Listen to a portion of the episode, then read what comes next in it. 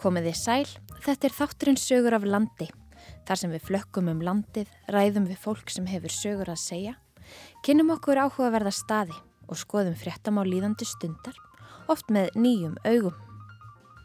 Ég heiti Halla Ólafsdóttir og með mér í dag eru Anna Þorbjörg Jónasdóttir, fréttakona á Norðurlandi og Þórgunur Ottsdóttir, dagskágerðarkona. Við hittum fólk sem stendur á tímamótum í lífi sínu. Vélstjórun Þór Ólafur Helgason fór sinn síðasta túr á tókaranum Júliussi Germundssoni fyrir skömmu. En hann starfaði á Júliussi, gamla og nýja, frá 1986. Eh, ég kannski var byrjað á sjó með afa mínum á, á skaki á handfærum á trillu. Það var þegar ég var kannski 15 ára. Já. Þannig að ég er búinn að vera svona guttlandi við sjói frá 15 ára aldri. En fast alveg síðan 79. Þá höldum við í söðburði Öksnadal og hittum feðkininn Jónínu Þórdísi Helgadóttur og Helga Steinsson, bændur á Siðri Bæjisá. Þar starfa þau saman og spurning hvort einn kynnslóð fara að taka við af annari. Ég held að pappi og mamma hafist ekki úr þessu fyrir en lappinnar standi við loft sko. Og að lokum höldum við á Þóristaði á Svalbarðseyri þar sem hjónin Inga Margret Árnadóttir og Stefán Tryggvá Sigriðarsson standa á tímamótum en eftir fjölda ára í ferðarþjónustu eru þau að breyta svolítið til.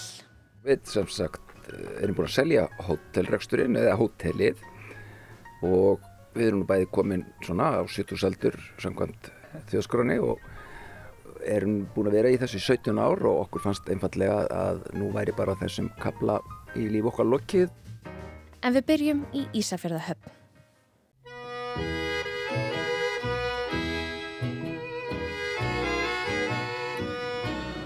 Góðan dag. Ég ætlaði að koma að heita Þór. Vitið þið hvað ég get fundið? Það? Það heita Þór. Róla, hann er ámið kæntið. Já. Hann er bara hérna nýður. Já. Ég heiti Þór Ólafur Helgason og er yfir, var yfir vélstjóri á Júliussi Germundsinni og ég er að klára daginn í dag. Já. Þannig að þá er ég laus úr Júliussi, þannig ég er hættur á sjó. Sjómennskan er búinn. Þetta er stór tímamót, þú ert búin að vera lengi á sjó. Já, ég er búinn að vera stanslust síðan ég kláraði vélskóla 1979, búinn að vera vélstjóri, ég byrjaði í Bólangavík á heiðrunu í S4, var þar í rúmt ár, þá er mér búið staða á hugrunu í S7 og er yfir vélstjóri þar, þá er ég ekki orðin, eða ég er ekki orðin 20, 79 þegar ég fer á heiðrunu. Já. Og svo hugrunu 80 og er á hugrunu til 84, þá er mér búið staða á solrunu og er yfir vélstjóri þar í tæp 2 ár og þá losnaði pláss á gamla Júliussi 1986 og ég er búinn að vera á Júliussi Germundsinni síðan 1986 Já. og yfirvélstjóri síðan 1991. Þetta er hann langu tími. Þannig að fyrst þá, þá varstu á skipum sem að Einar Guðfinnsson átti, var það ekki? Jú, ég var að skipa hjá Einar Guðfinnsinni í þarna frá 79 til 86. Já. Það var mjög gott. Það var góðu skóli og þeir voru mjög góðu við mig, strákanir, eða menninir í Eiki, Guðfinnur og Jónatan og Einar Kristinn og fleiri, Haraldur, bróður hans. Já. Og hvað varstu gamall þegar þú byrjaðir á sjó? Eh, ég kannski var byrjað á sjó með afa mínum á, á skaki á handfærum á trillu. Það var þegar ég var kannski 15 ára. Já. Þannig að ég er búinn að vera svona guttlandi við sjói frá 15 ára aldri. En fast alveg síðan 79. Já. Og svo ferðu á, Július sem að náttúrulega er tógari svona stærra skip heldur en bátan sem varst á í, í, í Bólingavík. Það hlýtur líka að fyllt því svona ákveðum breyting. Jú, jú, síðasti Július undan þessum, hann var, hann var stór sko norskur tógari og mikið stærri en heiðrún og, og bátarnir í víkinni og þetta var náttúrulega uppeð, það komast á stærra skip og mér fannst það bara mjög gaman og spennandi. Já. En það lítur að líka verið öðruvísi þá með hversu lengi þið voruð á sjó. Já, þá var það reyndar, þá var ég skiptiplási strax og ég byrja 86 og er fjórar vikur á sjó sem að því að við vorum vikulega í landi, voru fjórar vikur á sjó og fjórar vikur í fríi. Já. Þannig að maður var bara svona, eins og segi, bara hálft árið heima. Já. En áður þá, meðan ég verið bólangag, þá var bara róið og tekið frí einhver tíman og einhver tíman. Þannig að það var engin regla á því. Og stundum varstu kannski þá að róa talsvert meira heldur en þegar þú tókst svona fjóru vikur og fjóru vikur í frí eða? Já, já, já, það var meira eins og Sólrún og ég komst ekki í frí þegar hún var ný, þá fór ég ekkert í frí fyrir en eftir hvað nýju mánuði held ég. Ah. Þannig að það var svolítið langur tími frá heimann, en þó maður hefði komið í land á þryggja vegna fresti en, en þá var þetta mjög langur tími og erfiður. Já. Þú sagði fjóru vikur og, og fjóru vikur í, í, í landi þegar þú fórst á Július. Hefur það síðan haldið áfram sem svona fyrirkomulegi hjá þér? Já, það hefur alveg haldið áfram, sko, þegar við fórum á fristiskipið þegar þessi Július kemur 1989 og þá er, er alveg sama, það eru, fjóru, túrin er fjóra vikur svona pluss mínus og upp í kannski 30 eitthvað dagar og þá var maður annað eins frí á eftir, þannig að þetta var eiginlega svipaðu tími. Já. En hvað það er dásamlegt að Július er, er náttúrulega tógari sem að margir þekkja, en hver, hvers konar tógari er þetta? Þetta er fristitóri, þetta er vinsluskip. Já. Við fullvinnum, eða svona, já, fullvinnum alveg í öskjur og hérna, aflan sem að við vinnum. Og hann fer bara beint frá skipi og beint í gáma og út til Evrópu, Bandaríkjana og, og Asíu. Hvað eru þið margir hérna um borð? Við erum 25 í áhöfn. Svo eru sumir sem eru skiptublásum eins og ég, þannig að önnur áhöfn er í landi en svo eru aðri sem að róa kannski aðeins meira hásettar. En yfirmennir eru allir í skiptublási einn og einn. Já. Þannig að það er annar yfir vélstjóri á móti þér. Já, ég vakna klukkan 8 á mótnana og er á vakt til 8 á kvöldin og þetta er bara 12 tíma vaktir. Hínir vélstjórnir eru svo frá 4 á nóttunni til 4 á daginn og viksla. Þannig að ég er alltaf á vakt með, við erum alltaf tveir á vakt þegar ég er á vakt. En þetta var ekki svona á gamla júliusi, þá vorum við bara, vorum við bara tveir, einn, einn og einn á vakt. Já. Að þetta er svona breytingar líka. Já. Viltu sína mér hvað þín vinnuðastafa er? Já. Við erum komin hérna út, við erum verið að sjóða. Á ég loka hörðinni? Loka hörðinni. Það er greinilega verið að græja og gera fyrir Það verður að gera kvöldi. klart fyrir næstu ferð, laga og ditt að. Já. Nú vorum við stödd hérna á vinnsludekkinu. Já. Hérna er verið að vinna aflan og hér kannski þarf maður að gera við færibandarreimandar eða mótoruna sem snúa færiböndunum eða í rafmagni, eitthvað í flökunarvillinni eða hausarunum. Það er nefnilega ótrúlega margt sem hefur bæst við starf vélstjóra í gegnum árun, er það ekki? Jú, jú, það hefur breyst mikið þannig að vinslan er svona þó að eru menn sem að sjá um vélarnar, batermenn sérstakir sem eru mjög duglegir en ef þeir lendi í basli og annað þá hlaupum við og hjálpum þeim. En kannski svona gammal skarfur eins og ég er kannski ekki mjög sleipur í tölvudótari en, en þessi yngri eru mjög góðir sem eru með mér í að Fer ágætlega saman. það fyrir ágætlega saman. Já. Það að var þú... kannski bara kennslan í skólanum var ekki svo mikil í tölvudótari sem það var ekki komið á Nei, þegar maður útskrifa 79. Hvernig hefur þessi Július haldið utanum þig? Hann hefur haldið bara mjög vel utan um mig. Hann, mér hefur bara liðið mjög vel hérna um borð og annað. Maður fann að þekka hvernig einasta korf og kema í skipinu og þegar koma nýja vélstjórar og ég er í fríi og þá ringja þær oft í mig og þá sé ég bara alveg ljóslífandi fyrir mér hvaða hlutur er og hvar hlutinir eru í varahlutur og, og hvað er bilað og get alveg bent þeim á þegar maður er búin að þekka skipin svona lengi. Já. Og nú komum við hérna inn í, í vélarúmið. Já. Hérna er verkstæði hjá okkur, þar sem að við erum að vinna og gera við hlutina. Já. rennibekkur og, og svo leiðis og ef það þarf og varalutinu voru að koma hérna núna í, fyrir þá í næsta túr Já. og það sem bilaði okkur. Þetta er svona smíðavestaði. Þetta er staður þar sem þið getur brugðist við alls konar. Við getum bröðust við svona, já, e- einföldum og e- öðrum hlutum sem hægt er. Já. Þá reynum við að gera það. En sumt ráðum við ekkert við, það er kannski allt of flókið allt of mikið, þá verðum við jafnvel að sigla í land og leita okkur hjálpar. Já, einmitt. En við reynum að gera það sem við getum. Já. Svo fyrir við niður í vélarúmið, Já. þannig að við löpum við hérna niður, neðar. Þá erum við konið hérna í lífæðina á skipinu. Já.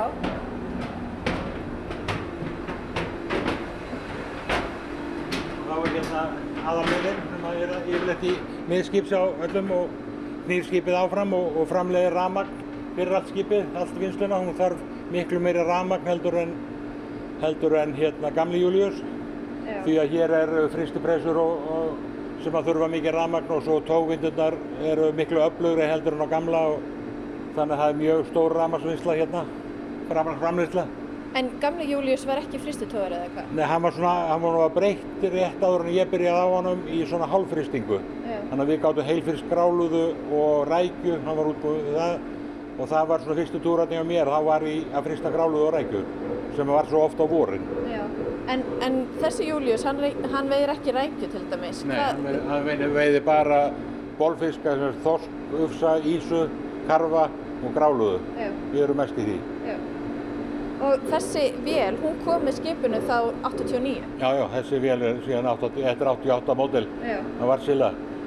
Hún, Hefur hún staðið sér vel? hún hefur staðið sér mjög vel, mjög vel. Og svo er alltaf tekið og endur nýja og slípa og púsað. Já.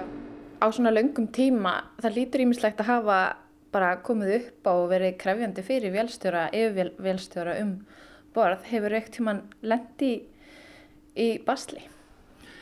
Það hefur allskyns uppákomur komið, það hefur maður þurft að skipta um hérna, strokklokið ofan á vélinni út á sjó og oftast er það, er, lendir í svona stórum viðgerð og þá lendir er þetta oft í slæmu veðrum, þannig að maður þarf að halda sér og allavega og þetta eru stykki sem eru svona hátt í hálft tonn, 500 kíló og reyna að koma því fyrir og draga þetta fram og aftur, þetta er oft krefjandi en, en þetta hefur maður gert, þannig að þetta hlutunum. Já. En það er aldrei komist í hann krappan en staðið tæft? Nei, ég hef aldrei, aldrei lent í því sem betur fyrr. Ég hef ekki upplifað það. Sem er bara gæfa? Já, ég myndi halda að það væri mjög gott. Já. Aldrei verið hægt komin eða, eða neitt tæft. Einmitt. Hvert fyrir næst? Við höfum farið hérna inn í vakleifan. Já. Hérna situr maður oft og er þá við tölvuvinnslu og, og hérna panta varahluti og eitt og annað eða þá situr hér og það getur loka en minni hávaði hérna inni. Já. En hvernig er til dæmis eins og hér eru við niður í vélarúmi, hvernig er reyfingin í skipinu hér meðan við önnur rými skipsins? Og hún er minnst hérna niðri, það er minnsta, minnsti veltingurinn og annað hérna niðri þar sem þú ert neðst í skipinu. En svo er það náttúrulega miklu meiri, sveiflast brúin mikið meira, þannig að skipstjórnir er að kannski sveiflast hel mikið meira en ég. Já. en hvernig er það þegar þú ert búin að vera svona lengi á sjó? Fer brælan í þig? Nei, hún fer ekkert í minn nema svo, það er stundum erfitt að hanga í rúminu ef maður er á frívart og maður rennur kannski til þó maður sé náttúrulega kannski ekki mjög, mjög léttur en þá segum maður kannski ekki alveg eins og vel en, en þetta er ekkert að trubla með öðru liti. Nei. Varstu ekkert tímann sjóveikur? Ég var bara sjóvökur hér í gamla daga þegar mamma eða afi átti á, eða átti hérna sumabústaðin ára hesteri í okkur fjörðum og þau var að fara frá Ísafjörð og bátnum hans yfir þá var maður mjög þessa tvo og halva tíma sem það tók Já. Þá ætlaði maður aldrei á sjóvættur. Svo fór ég með frenda mínum við Arnóri Sigurs á skag vorið, snemmum vorið áður en að ég fór með afa. Og ég var sjóvökur allan túrin þessa þrjá daga sem vorum úti. Og þegar ég kom í heim eftir þann túr einhvern tíma stuttu fyrir sjómannadag þá sagði ég við mömmu ég ætlaði aldrei nokkuð tíman á sjóvættur. Og þremur dögum eftir sjómannadag þá spyr afi hvort að ég vilji róa með hann um sumarið á trillunni á handfærum ég gæti ekki sagt nei við hann þannig að ég hef ekki fundið til sjóviki síðan Nei. Þetta er rjáttlast að manni. já, flestum, ekki öllum Nei. það eru sumir sem verða alltaf sjóvikir þegar það gerir brælu þá finna þið til Já. en ég hef ekki fundið til síðan ég var þarna 15 og 16 ára Nei, þú væri kannski ekki allan en tíma ef, að, ef þú þyrstir að þjást í hvert skipti. Nei, trúlega, trúlega ekki, en maður veit það ekki. En sumir eru þrjóskir og erfiðir, þannig að þeir láta sig hafa það. Já. Endur minningarnar streyma móti mér Manstu forðum þennan sama dag Hvað finnst þér að hafa breyst mest á öllum þessum tíma sem þú ert búin að vera á sjó, bara með sjómannslífið? Sko, allir það sé ekki bara þannig að þú getur verið með þinn, til dæmis gemsa bara inn í þínu klefa eða hvar sem er í skipinu og, og ef í hug að ringja eitthvað í hvort sem er í, í fjölskylduna eða konuna eða, eða, eða eitthvað annað þá bara tekur um síman og ringir. Já. Þetta er margvald munur heldur en að vera í, kannski að það þurfa að fara upp í brú og kalla í loskveitustöðin og byggja um samband við eitthvað aðilega í landi og svo gáttu allir hlustað. Þannig að þetta var svona, maður var að velja sér einhver, ef maður var að tala við frúna og veldi spurjum eitthvað, þá var maður með búin að undirstinga það heima hvað maður myndi segja og þá myndi hún svara þessu. Ef maður var eitthvað að spurja eitthvað náið. um eitthvað líðan á börnum eða, eða henni eða einhverju, hvernig hvað sem var. Og gerðu þið það? Já, já, við notuðum allskins stikkorð sem að, sem að ef við vildum ekki að allir hlustuð á það, eða næðu hvað við vorum að tala um. Eitthvað dæmi? Nei, ég man ekki, það var svo langt úr liðið. Og svo gáttu allir bara heima stilt á bátabilgjuna. Jú, það var þannig, það var þetta hlusta á alla. En hvenær breytist þetta þótt að það væri komnir farsímar og svona, það tók náttúrulega smá tíma fyrir skipin eins og Júliu sem að fer heldur langt frá landi að, að fá nógu gott samband fyrir ykkur til að tengjast heim. Sko það, ég man ekki nákvæmlega hvernig NMT símanni kom í gamla júla. Það var kannski 80 og uh, 87, kannski 87-8. En það var mikill munur þegar hann kom en, en hann náði náttúrulega takmarka frá landi og þá var maður að skipta yfir í talstöðuna. En, en þetta var bylting að fá þennan síma og geta þá ringt og síðan hefur þetta bara þróast frá þeir ári og þangað til í dag hefur þetta bara þróast smátt og smátt og vorði betra. Já. Og svo er náttúrulega líka við erum komið með mjög gott tölvusamband í gegnum gerfinhött og hann eh, skiptir svo yfir á 3G ef að við erum nær landi. Já. Þannig að maður getur bæði verið með spjaldið sitt eða síman bara tengt inn á það og spjalla þá á Facebook eða hverju sem er Messenger og, og svona og sendt skeiti og, myndir jafnvel. Ef það er gott samband þá getur maður sendt myndir á myndi og milli eða séð myndir hvað, hvað er að skilja í landi. Það er mjög skemmtilegt að sjá hvað krakkarnir og barnabötunir er að gera. Já. Og ef það eru góðu sambandi þá jafnvel getur maður hort á myndbrot. Já. En þú ert aðeins meira með. Já, svolítið mikið. Já. Það er svolítið mikið munur. Maður getur meira fylgst með og sé hvað er að ske og vita hvað er að gera til landi. Þá hefur þá í rauninni varið halva árunu á sjó og þá líka fjarrri fjölskyldinni. En hvernig hefur það verið? Sko oft á tíðum e, var þetta allt í leið maður náttúrulega þessi mánuð sem er í landi þá er maður ekkert að gera, þá er maður alveg heima. En, en það er náttúrulega er margt sem maður kannski missir af. Það kannski hittist á að ammali hjá börnunum eða dætrunum eða, eða eitthvað upp og komur heima sem maður missir af og annað. En þá bara reynir maður að gera eitthvað skemmtilegt þegar maður kemur heim. En jú, það er náttúrulega verður mikið breyting hjá mér og, og konunni að vera að búa saman í 365 daga. En, en það hefur ekki skeð síðan ég, bara, ég var á í vélskóla náminu 78-79 sem við vorum heima, eða ég var heima 365 daga Já. og nú er það að byrja aftur. En þetta hefur gengið vel greinilega. Þið eru búin að vera saman í allan annan tíma.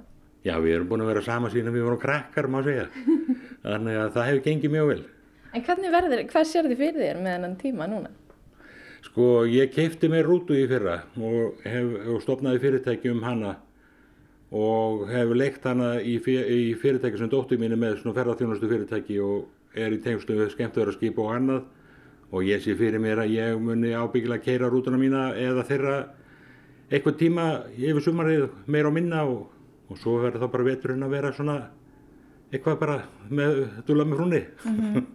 Þú hefur bara verið tilbúin til þess að fara í land. Já, já, ég var alveg tilbúin maður, ég er verið 63 ári haust og þannig að mér finnst ekkit að þurfa að slíta sér endalust út Nei. Ja, með sjónum að láta velta og rugga sér og, og, og þannig lagað en, en það er sumi, dag, sumi túrarnir eru erfið þegar eru mikla brælur og svoleiðis og það reynir mikið á skrokkin sem er ekkit kannski eins, eins brækur og var fyrir 20-30 árum Já. en, en ég er alveg sáttur.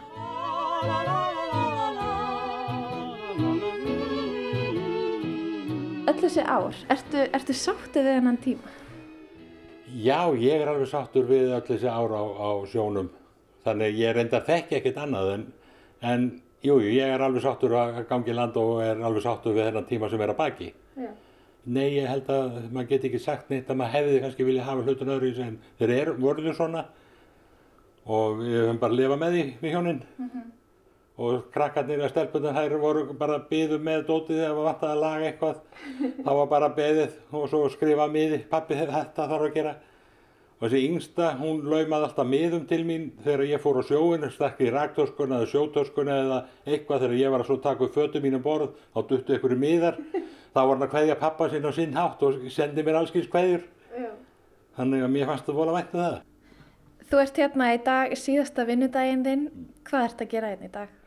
Núna er ég eiginlega, það er allt búið, þannig ég er eiginlega bara svona strjúka yfir síðustu hlutina og, og klappa þessu og, og bjóða bless, eða segja bless. Nei, ég er bara svona, það er bara tekka á hvort að ég hafi verið búin að gera þetta og búin að gera hitt og þannig að ég vil svona reyna að skila skipinu þokkalega af mér, mm -hmm. félaguruminu. Heldur að þú getur skilið alveg við, verður eins og grár köttur hérna þegar Július kemur í land?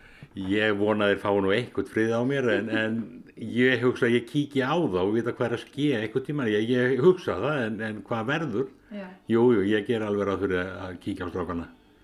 Við erum alveg ágænsvinnir allir saman. Já. Gangið vel með, með nýja lífið þitt og, og njóttu. Já, kæra þakkir. Lægið okkar betra hljómar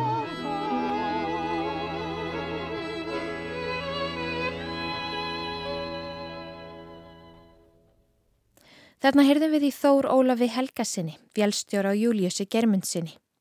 En hann stendur á tímamótum þessa dagana og er að koma í land eftir fleiri áratugi á sjó.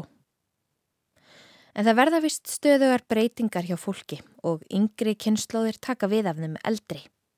Við sláumst í för með önnu Þorbjörgu Jónastóttur að bænum siðri bæjisá í Öksnadal, þar sem söðburður er í fullum gangi. Það er ekki beinlinis vorlegt hér um að lítast í Öksnadalnum. Ég er á Siðri Bæjisá og það eru söðburður í fullum gangi en það er snjókoma þannig að þær eru allar enn inn á fjárhúsi og, og bændurni býð eftir að geta hlift þeim út. Hlum að kíkja hans í heimsókn.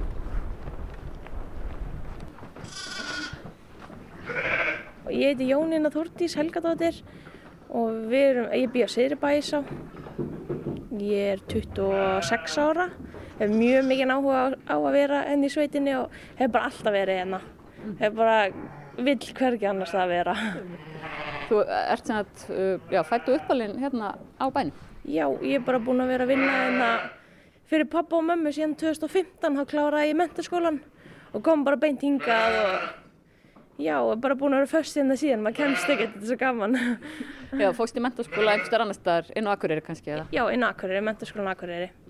Og kom aldrei annað til greina heldur en bara að koma aftur hinga? Nei, ég kom hingað eftir skóla, ég bjóð vistin og kom eftir skóla, þú veist, þrísur í vik og allar helgar var hér og alltaf hjálp mér mikið og ég gat með skóla. Bara gæti ekki hugsað mér að, að vera fimm daga heimann, sko, það var mjög erfitt. Þannig að þú ert bara að fara að búa hérna áfram og taka við búin. Já, ég er búin að flytja í einbýlishús hérna og búin að koma vel fyrir með fjölskyldu og sé bara fram á að vera hérna um ókomna tíð. Og sýstíðin, hún býr hérna líka þetta. Já, hún var að byggja sér hús þannig að hún er líka að fara að vera hérna og hún er líka að koma með fjölskyldu. Þannig að við erum bara orðin heil mörgin á sér í bæsá. Og svo búa, hvað fóreldrar ykkar hérna líka eða hvað er ykkur fleiri hérna? Bara fóreldrar mínir, þeir eru orðinir einir eftir í gamla húsinu, í risastóru húsi. Eru þau svona að reyna að koma sér úr búskapnum? Nei, alls ekki. Þau, ég held að pappi og mamma hafist ekki úr þessu fyrir en lappinnar standi við loft, sko.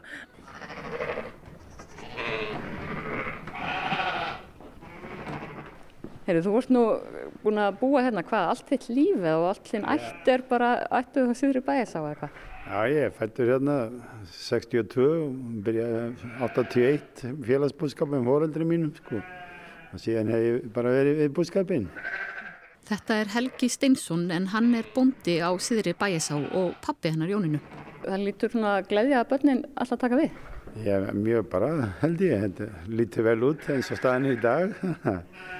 En hún dótti einn sagði mér nú því ætluðu ekki að fara að leggjast í Helgan Steinsson. Hún veit ekkert um það. Það geta kemur smá saman held ég sko. Það er nú í badnegnum og svoleiðis, lefum að klára það. Hmm. Já, og þá ætlar þú bara að slappa af. Já, maður aðstofar eitthvað öruglega sko. Hmm. En þú ert það bara búin að vera í búskap í rauninni þá allt þitt líf. Já, nánað sko, ég hef ekkert gert annað. Og hvað heldur þú takkið fyrir hendur uh, þegar þú hættir að þurfa að sinna bústörunum að svo miklu kappi eins og aður? Ég veit, veit það ekki hvað maður verður að gera sko. Það verður bara komið ljós sem maður verður ekki bara vinnumæður hjá þeim. Já, er það góður yfirmenn? Já, öruglega sko. það er, er stjórnalög sögfjáræktin orðið sko. En hvernig finnst þér, þú ert nú búin að vera í sög, sögburði þá, já, meira og minna í einhverju ára tugi. Er þetta alltaf svona skemmtilegu tími eða er þetta bara púl? Þetta er bæði púl og skemmtilegt líka sko en, en þetta tekur á. Já, þetta er svona, já, ekki kannski komið nóg en tekur svona aðeins meir íman en gerði sko.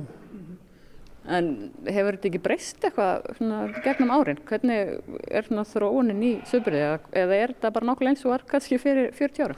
Æ, ég held að þetta sé bara mjög svipað sko. Þetta er, það er alltaf að vera að hjálpa og fylgjast með og passa að kapna ekki lömpin og svona sko. Ja.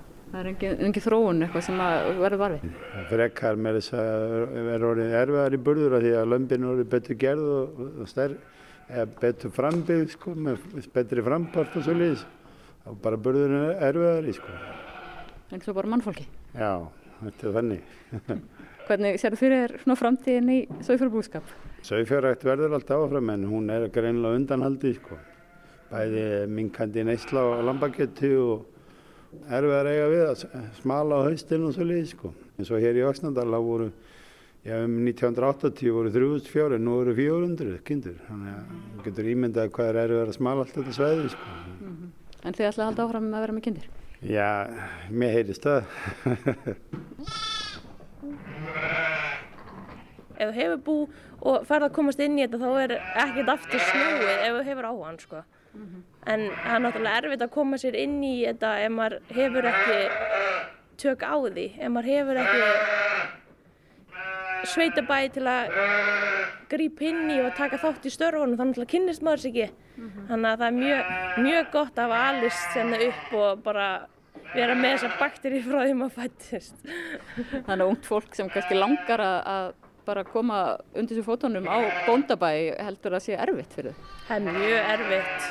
Það er bara, það er rosa erfitt að koma sér inn einhvers veginn ef maður er ættingja um að hafa eitthvað svoleiðis. -hmm. En já, hvað eru þið með margar kindur? Við erum með svona 220 vetrafóðurar og það er ekki pláss, mikið pláss meiri í húsunum en það. Þeir eru með fleiri annan búskap líka heldur en sögfjörrækta? Já, við erum með robotafjós, það er fyrir um það byrj 70 kýr, við erum með 53 mjölkandi núna. Það er bara vant að kvóta til að hafa fleiri, til að fylla fjósið. Mm -hmm. En já, við erum með kýr og við erum með hænur og við erum með hesta og, og ketti og hunda. En þegar við náttúrulega lítið getið synd öðru kannski akkurat núna heldur en með sögburinn. Hvernig er þessi tími? Hva, hvernig bara líður dagurinn? Þetta er bara mikil skipulagsvinna. Við höldum svona fjósa tíma þannig séð og þá fer maður í fjósið og sinnir þeim verkefn sem þarf að sinna þar. Þannig að það er, fá sína þjónustu. En auðvitað fjárasin eru bara 24 tímar á sólaring sem þarf að, vakta og við erum sem betur við vel mönnuð. En eru þið bara með stíft vaktaplan eða? Nei, alls ekki. Þetta er bara svona gróft sko. Mamma og pappi sjáum nóttina og, og svona seint um kvöldið og ég og sýstu minn sjáum um daginn.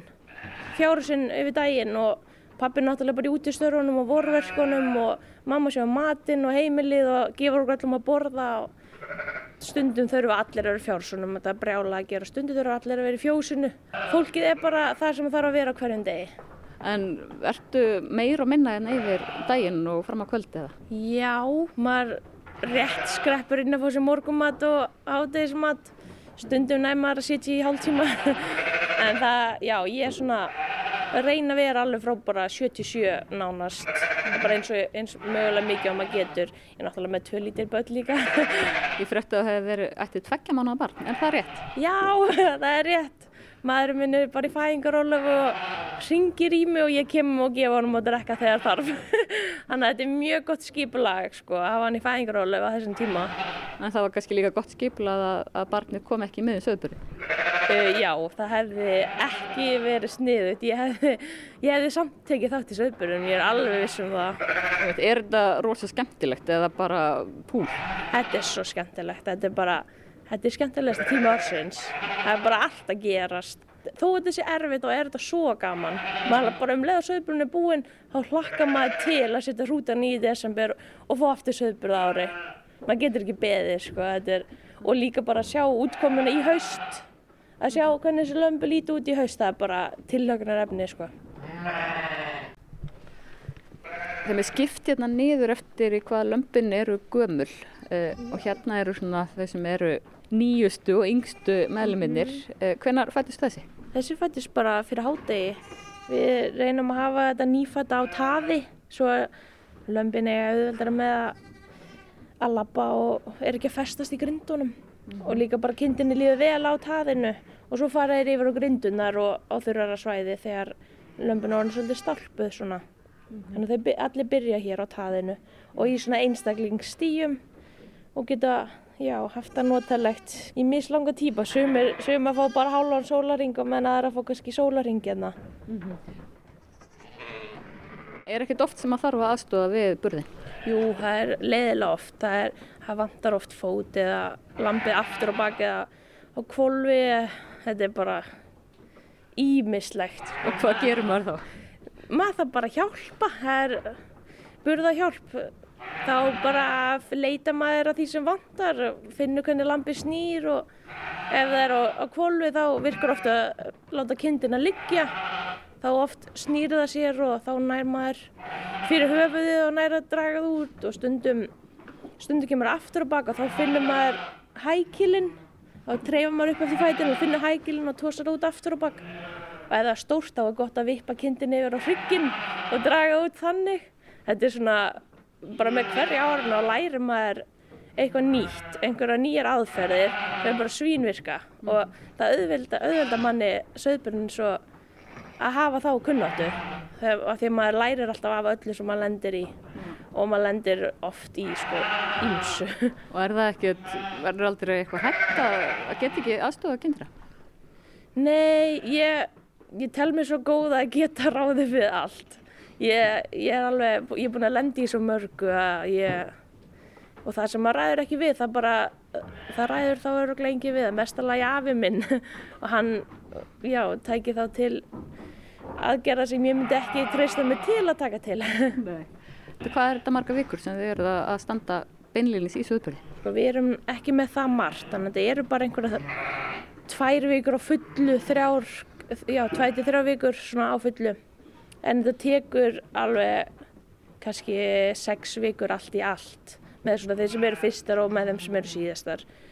Það er alveg há söðbyrði núna og þá, þá bera einhverjar 20 á dag. Það er náttúrulega, það er ekki lítið með hjá mörgum sko, en það er alveg nóg, nóg fyrir okkur.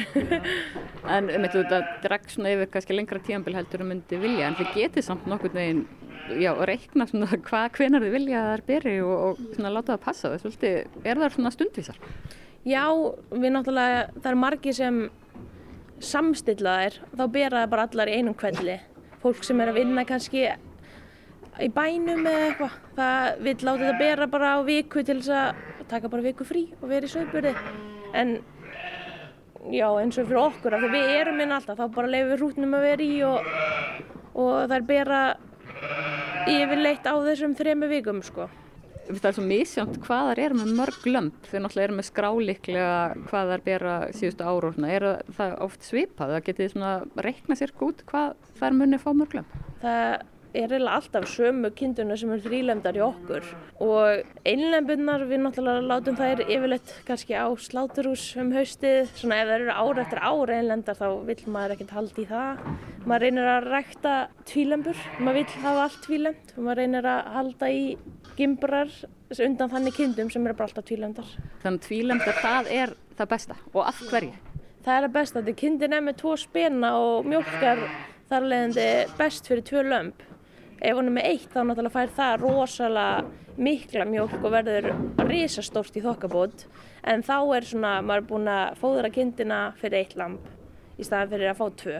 Þannig að það er meiri hagnaður að því að hafa tvílemdar en þrýlembundar suma mjólka þremur og eru með þrjú hjá okkur. En yfirleitt tökum við er- er- nánast alltaf tökum við undan þeim af því að þeir lömpin verða þá bara minni í haust ef þau fá ekki nóg mjólk og við náttúrulega viljum hafa þessum staðist í haust. Sko besta leiðin sem mér finnst er að að eða er einlemba að byrja bera, þrýlemba borin, að taka eitt lamb ókarað af þrýlembunu, gefa einlembunu það hún ber, láta hann að hafa vera, búin að vera með það í minnstakosti tíu mínútur.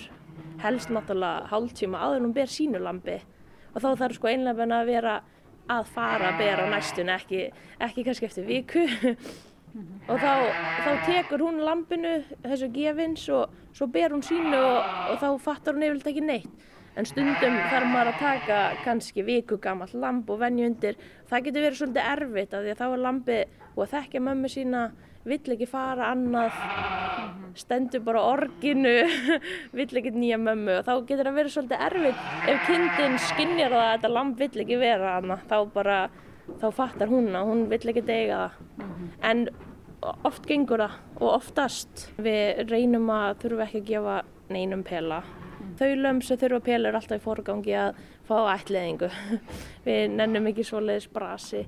Þetta er bara að vinna fyrir okkur. Það er mjög þægilt að vera laus við þá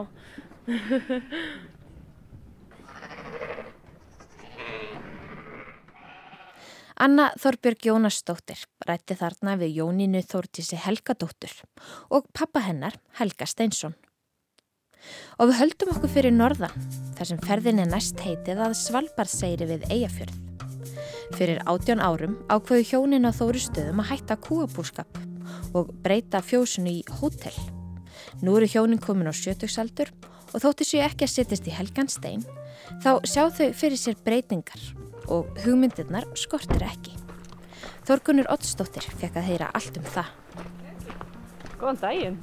Þú varst náttúrulega út í sólbaði. Var þetta svona að vera á akkurinni? Ha, jú, reyndar, sko. Þetta er reyndar.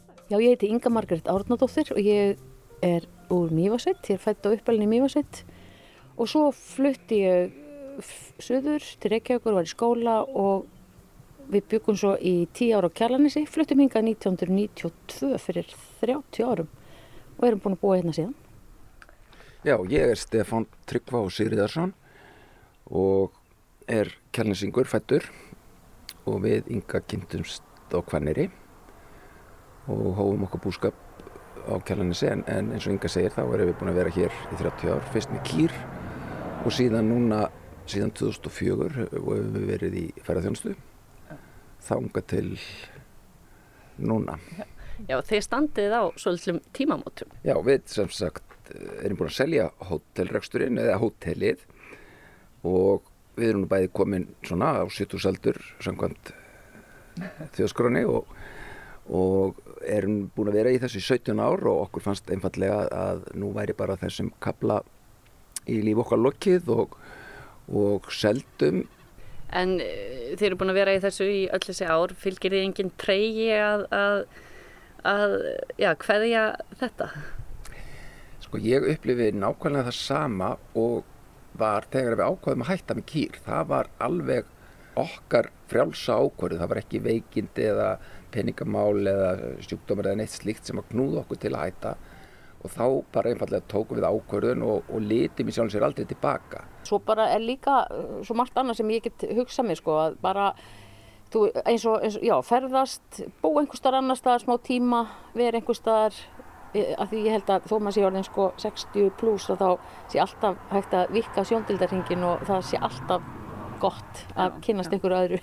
Ég er svona eftir að er kom, eftir farið úr jörðu þá er ég allur komin í sko moldina og, og svona tel mig trúum að ég sé eitthvað að bæta umhverfið en, en það er, er líka mikil sköpun sem fylgir því og reyndar hef ég oft sagt það að þessi uppbygging á hótelinu hérna og, og þessari eign hérna á þórustuðum ég hef alltaf í sjálf þessi litið á það sem eitt listaverk. Ég hef alltaf litið á það sem eitt uh, svona verk. Mér fundist þetta þyrft alltaf að harmonera og, og ekki bara í, í, í sessa, þessum rekstrarlega tilgangi heldur bara umhverfislega þyrft þetta að vera einhver heild. Og þýletinu sko á, á ég möguleika að sinna því áfram því það er náttúrulega bara sami upp í livsúsum að þar er, er, er það mikið land sem við eigum sem að þar sem ég þarf að leggja gungustíg og bú til lón og, og, og þar fram til göttum eins og ég hef alltaf til gert.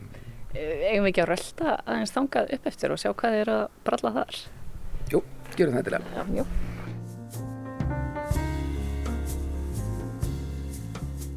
Núna erum við sérst komin í hlaðið á leifshúsum sem að þið eigið og hér er, þetta er gammalt íbúðarhús hva, og þetta er hvað, fjós? Já, svo er þetta hefðbundin útihús frá því upp úr 1950, Já. fjós og hlaða og fjárhús, turn Já. Og þetta erum við búin að vera að dunda við að endurbyggja líkt og við gerðum niður á, niður á Þórustuðum. Já. Og þetta ætlið að eiga áfram? Já, þetta ætlum við að eiga áfram. Getum við kíkt, eh, já, hvar förum við inn? Í, er það hlaðan? Eða? Við byrjum í hlöðinni. Já. Það kvöldum við Art Farm Mhm. og er það sem að á erlendum málum er talað um sem residensju. Já. Hér erum við sem sagt að bjóða svona enganlega sviðslistafólki, leikhúsfólki, tónlistafólki, en líka rithöfundu, myndlistafólki og músiköndum og svona sem að hérna, geta nýtt sér þessa aðstöðu og veri hér ókipis í gistingu Mhm. og dvali hér svona í viku, oft í vikutíma eða svo langa helgi eða eitthvað slíkt og hugmyndin, grunn hugmyndin er að þetta sé svona listsköpun á byrjunastíi þetta sé sagt eh, ekki beint æfinga eða síningarhúsnæði heldur heldur svona þegar að þú kemur hér í allt annað umhverfi og með svona tiltölulega óskrifa blað þá, þá er hérna ímislegt sem að eh, þú, ert kannski með opnari huga til að byrja á verki. Það er, það er ekkert vola margt sem minnir á að við séum inn í hlöðun eða nema bara kannski hvað, þetta er, hvað er hátt til lofts og, og, og vitti veggja og jú, þarna er nú, hvað er þetta? Er þetta Já, sem að Hei, kom inn. Já, Já. en það er búið sem sagt að þylja þetta allt hérna með, með timbri og, og textíl. Já, þetta, ég segi nú stundum að við Lóra Asleik höfum gert þetta saman en, en þetta var þannig að við byrjuðum að einangra þessa hlöðu að innan með steinull, uppsteift hlaða og þá komumst við náttúrulega að því að það verður hérna bara mjög fín hljóðvist Mhm. fyrir vikið og síðan þegar þessi hugmynd fæðist og þróast að, að vera með þetta fyrir, fyrir listamenn að þá þar að auki voru tvö kannski tvær ákvarðana teknar, það var annars vegar að þetta væri ókipis en hins vegar að þetta væri svona byggt á endur nýtingu allra hluta. Ég var reyndar þá byrjaður að, að, að vinna timbur úr fjárhúsunum, úr gólfinu og vann þetta svona í hálfgerðan panel og það er, er svona grunnurinn hérna í, í klæðningunni en síðan vildi ég ekki gera samt of mikið af því þannig að á einhverjum tímapunkti þá myndi ég það að ég átti tölvöld mikið af áteknum svona efnisströngum sem við höfðum fengið þegar við vorum að byrja með hótelið og ég held að hafi nú verið ætlaðir í, í glukkatöld á þeim tíma Já.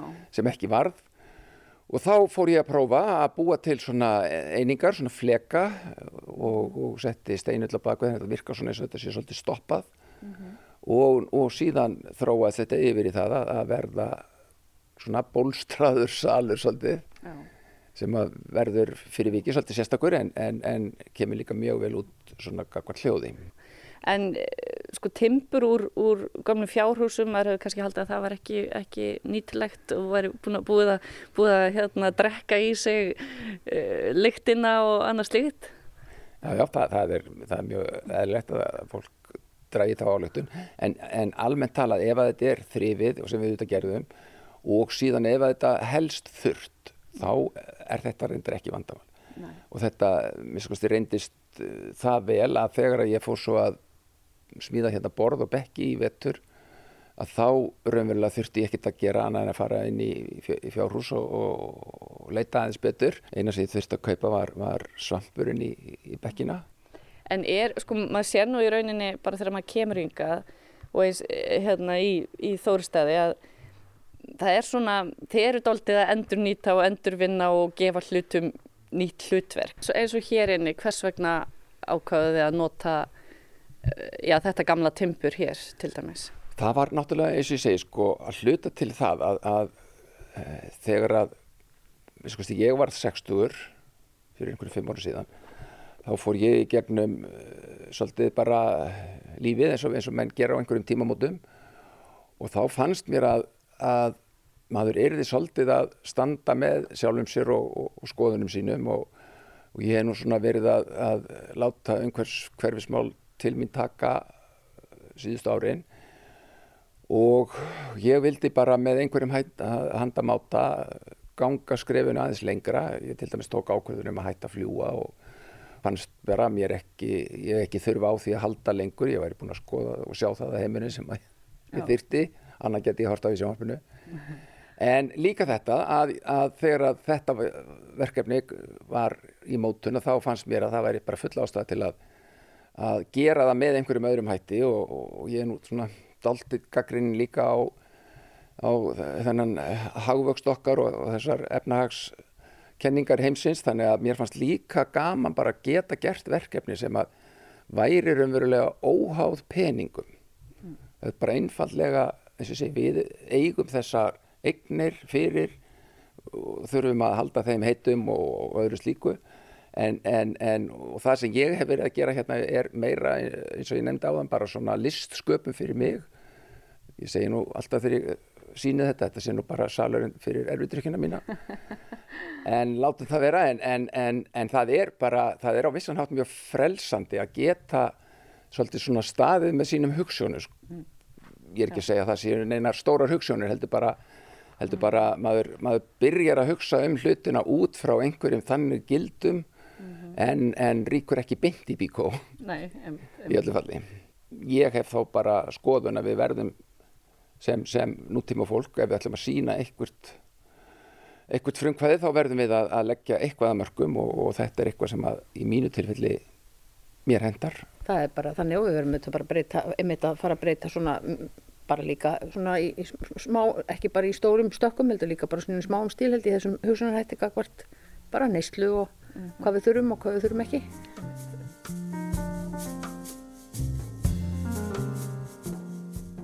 En þeir eru líka með hugmyndir um svona meiri uppbyggingu hérna í leifshúsum.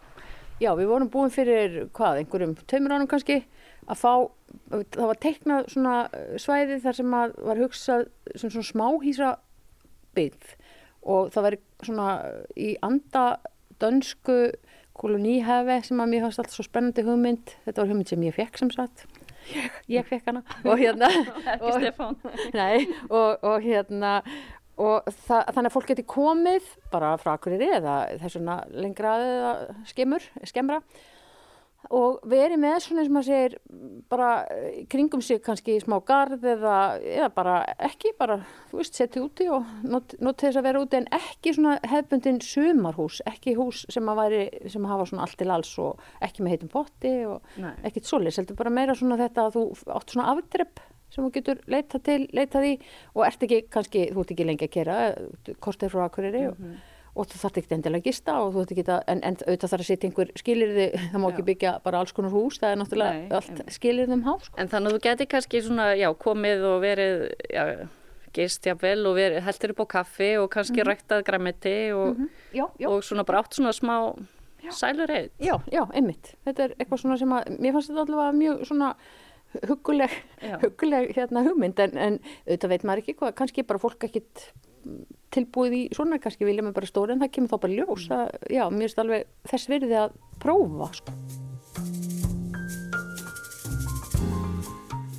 Já, hér er bara alveg bara smíða verstaði Já, ég þarf allavega ekki að kvarta yfir aðstuðinni, það er náttúrulega öru nær Og er hérna, já, hérna er segir bara viður úr skójunum eða hvað og, og já, gamlir gluggar og, og væntalega eitthvað af gamlu innrýttingunum úr fjárhúsunum. Hvað er það að gera með þessar gamlu glugga? Þeir eru opaslega fallegi ég verðleinaði sjálfan mig með því þegar ég var búin að smíða bekkin á borðin hérna fyrir 90 manns í salin sem var nú miklu meira verkaldur en ég ætlaði. Mm -hmm. þá verðleinaði ég sjálfan mig með því að taka hérna viku í að skrapa þessar gamlu glugga. Eru þetta glugganir úr fjárhúsunum? já, úr fjárhúsunum bæði á þorustum og lifsusum og, og ég hérna var að, þetta alltaf búin að ganga með þá hugmynd í maganum að gera eitthvað með þessa glugga mm -hmm. kannski sá ég þetta meira fyrir mig sem ramma svona í byr, mm -hmm. byrjun en núna er ég að sagt, útbúa pínur, ég veit ekki meila bara kallað einsetningu, ég ætla að, að hengja þá upp í loftið í salunum mm -hmm.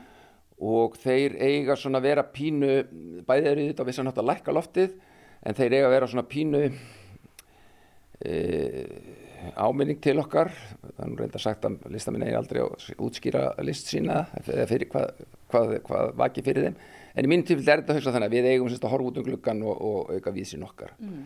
við eigum að, að þóra að, að, að horfa út fyrir tungarðin Já. ert þú hérna doblið í vinnu við að pússa og... Nei, það ég nefnilega vinn, hef aldrei pússað eitt einasta hætti hér, bara svo ég sé algjörlega reynskilin. Nei, ég hef ekki komið, þetta er ekki minn vinnustöður, einn af fáum hér. en, en þetta er einmitt svona, ég get alveg ímyndað mér að margir hefði nú bara að losa sig við þessa glugga sko. Já, já, það er sjálfsögur rétt höður og en, en af því að Inga hérna var að nefna þetta með að hún kem ekki tingað þá er kannski bara líka gaman í svona spjalli að leggja áherslu það að, að, að við erum nú hvaða eigum við 40 ára mm -hmm. brúköpsamæli og og við höfum bara í æríkari mæli farið okkar eigin leiðir hvort um sig. Og, og við erum bæ, bara bæði mjög sagt, samstíga um það.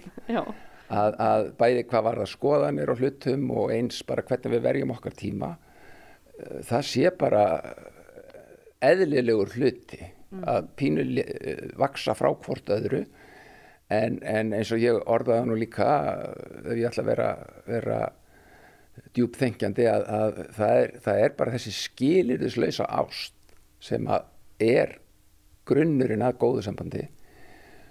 Og það er bara því miður eitthvað sem að mér finnst við nútíma fólk allt og oft ekki vilja horfast í augu við. Það er þetta bara þessi grunnu sem að, sem að svona samband byggir á sem að skiptir öllu máli en ekki einhverjir eh, stundarhagsmunir eða, mm. eða svona eitthvað sem að aðrir sjá mm -hmm. og ég segi stundum að sko hjón hafa sem sagt mismunandi alveg skipta heila á starfsemi og, hérna, og, og allt það sko þannig að hérna, það er alltaf mín upplifun Já. en mér finnst einmitt stundum að fólk svona takkið það bara sem gefið þegar menn búa saman þá bara eigið er einhvern veginn að hugsa eins og, og e, vera eins og ef það gengur ekki þá bara fer náttúrulega stundum alltaf vest að veg sko. mm -hmm. Það er bara þannig. Þannig að þessi hérna gömlu gluggar og hvað eitthvað spýtur sem það er naglar hins að það eru ekki að fara að valda skilnaði. Nei, það er alveg öðru nær. Alveg öðru nær. Það eru eitthvað annað til. Eða við ekki bara slá botnin í þetta hér og leif ykkur að fara að sinna, sinna ykkar, ykkar verkum? Takk hérlega fyrir að taka mótið mér og sína mér þetta allt saman. Takk fyrir komuna Þorgunur Ottsdóttir rætti við hjónin Ingu Margeti Árnadóttir og Stefan Tryggvók Sigriðarsson á Þórustöðum á Svalbarsæri við Eyjafjörð. En þá kom að lokum hjá okkur í sögum af landi í þetta sinn. Taknum að þáttarins var Lidja Gretarsdóttir. Við þökkum þeim sem hlýttu og heyrumst aftur í næstu viku. Leifið heil!